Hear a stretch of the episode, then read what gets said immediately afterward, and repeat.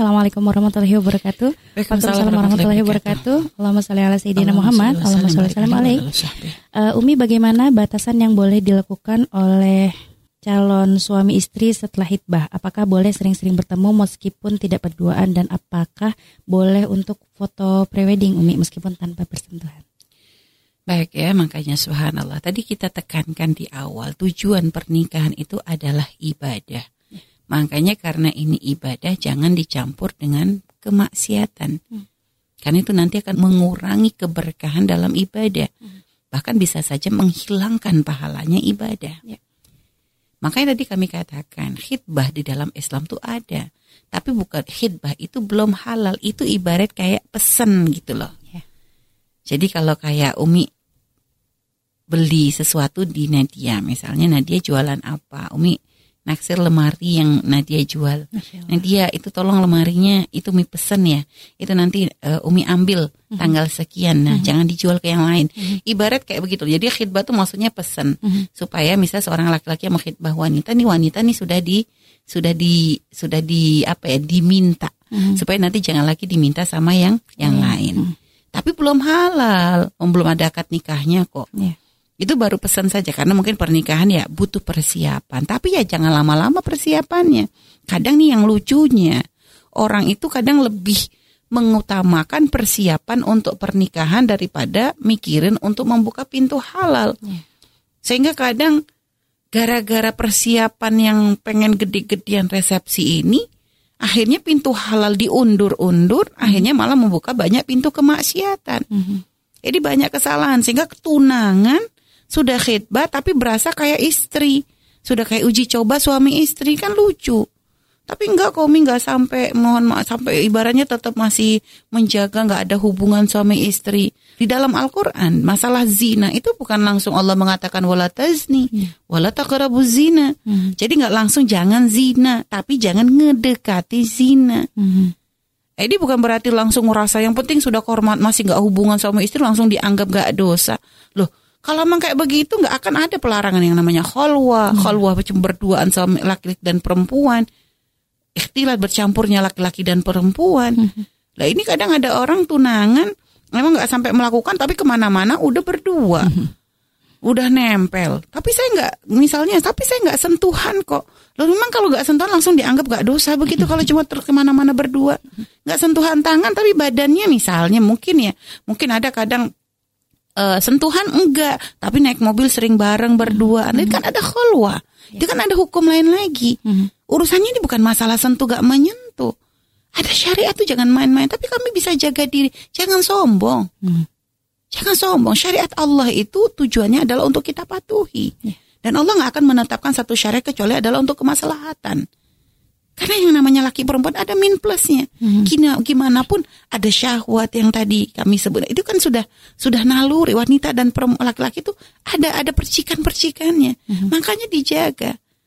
Ini kalau artinya dari dari khidbah saja ibaratnya kita tuh berusaha menjaga gimana caranya supaya sampai ketika masuk ke pernikahan itu benar-benar terhormat. Hmm. Makanya sebenarnya khidbah tuh jangan lama-lama. Lah kalau sudah ada kecocokan, halalin dulu deh. Yeah. Masalah resepsi bah nggak apa-apa. Gede-gedeannya nanti. Mm -hmm. Kalau misalnya pengen gede-gedean, yeah. yang penting segera dibukakan pintu halal itu lebih aman. Mm -hmm. Paling tidak dengan dengan adanya pernikahan begitu, kalau mau teleponan aman, mau bermanja-manja juga aman, mau jalan berduaan aman karena udah halal. Hmm. Hanya nanti mungkin masalah resepsi menunggu kesiapan dari dua belah pihak, memilih waktu yang paling tepat seperti apa, misalnya begitu. Hmm. Itu lebih terhormat. Nah sekarang ini kadang banyak rancu, akhirnya orang itu nanti gara-gara apa ya, kadang banyak kesalahpahaman ya. Hmm. Di dalam hal begini nih kadang menjadi rusaknya pemikiran orang gitu ya, tentang masalah ya itu tadi. Mm-hmm. Jadi kadang orang tuh salah kaprah tentang masalah per, yang mana sih yang syariat syari itu gimana sih gitu loh. Mm-hmm. Jadi kalau tunangan itu jangan langsung dihukumi sudah syari ini hubungan berarti ke mana-mana berdua sudah halal tidak ada. Tunangan itu baru mukaddimah ibarat pesan supaya dia jangan dilamar orang gitu loh. Yeah. Nah, jadi untuk penghalalannya gimana? Tetap dengan nama pintu pernikahan. Makanya tolonglah para wanita-wanita yang dimuliakan Allah ketika sudah tunangan semakin dijaga kehormatan Anda. Jadi jangan sampai mau direndahkan dengan dibawa laki-laki ke mana-mana, mm-hmm. pergi jalan bareng, belanja bareng, ini bareng. Ini kan persiapan nikah.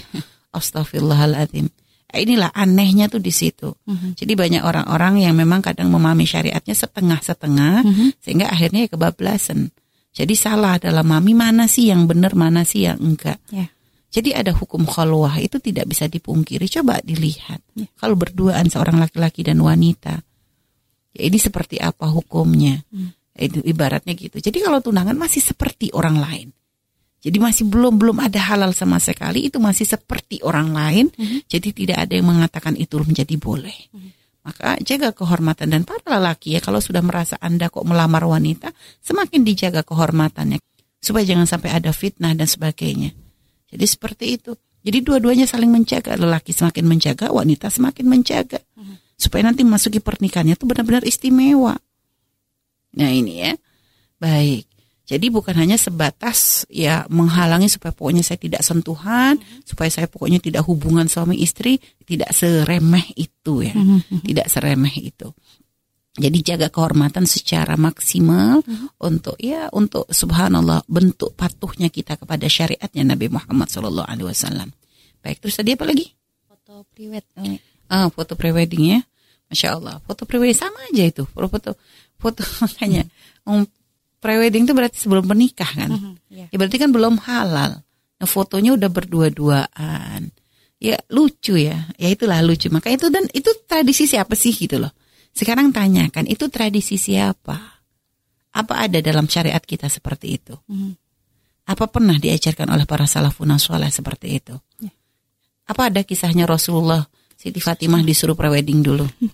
ya apa benar? Eh, prewedding itu tradisi siapa? Diambil dari mana itu? Mm-hmm. Gak ada syariat. Coba dicari syariat Islam. Tidak ada keterangan ada boleh ibaratnya ada istilah prewedding itu nggak pernah ada. Mm-hmm. Itu baru muncul nggak tahu dari tahun berapa itu kita malah tahunya itu tradisi di luar Islam itu. Mm-hmm. Bukan bukan tradisi kita itu tradisi di luar Islam. Yang lucunya banyak orang Islam malah ngambil itu. Ya. Ini kan aneh banget dari mana? Um belum halal kok udah foto berduaan, sudah nempel-nempelan, hmm. kejer-kejeran, udah gitu kadang pangku-pangkuan, ini masya Allah. Terus lucu gitu ya. Memang pernah waktu itu ada yang nanya, Mi, anak saya ini kan sudah sudah sudah nikah gitu kan, maksudnya, nah pengen nanti kayak ada foto prewednya itu, maksudnya tuh sih ya sebenarnya sudah sudah sudah sudah halal sih Mi, cuma memang belum diekspos, cuma nanti kita mau buat prewed. Nah sekarang lihat, Memang mungkin bagi anak Anda nggak dosa dia dengan foto berdua karena sudah halal. Hmm. Tapi di mata orang syiar prewed ini bukan syiarnya Islam. Yeah.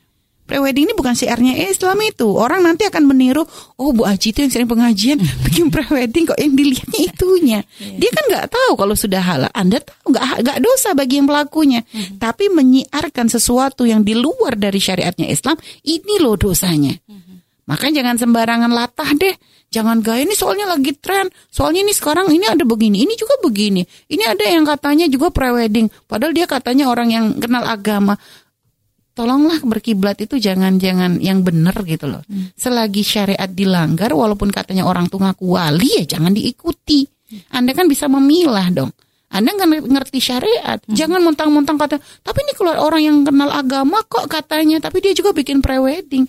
Makanya kami katakan tadi seandainya dia orang itu dikatakan wali sekalipun orang mengatakan wali, tapi kok yang dilanggar syariat, kenapa kok Anda masih kagum nih pelanggaran syariatnya itu loh? Mm-hmm, yeah. Kok Anda masa, malah ibaratnya membiarkan syariat dilanggar hanya karena katanya kalau emang dia benar adalah orang yang ngerti agama, tidak akan dia melanggar syariat. Yeah.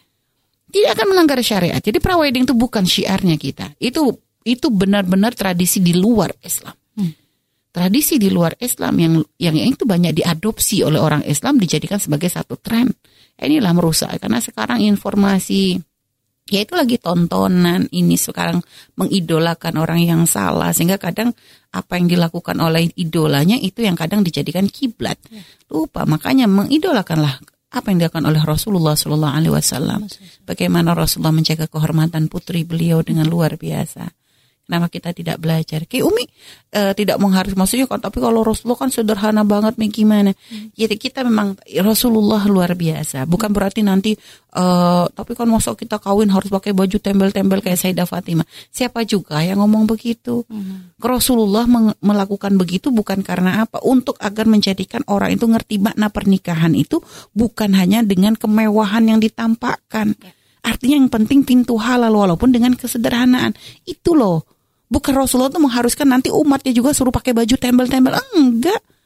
Kami punya guru-guru orang-orang mulia ketika mereka menikahkan beliau-beliau menikahkan putra-putrinya dengan masya Allah dengan seistimewa mungkin kok. Hmm. Tapi syariat tidak dilanggar.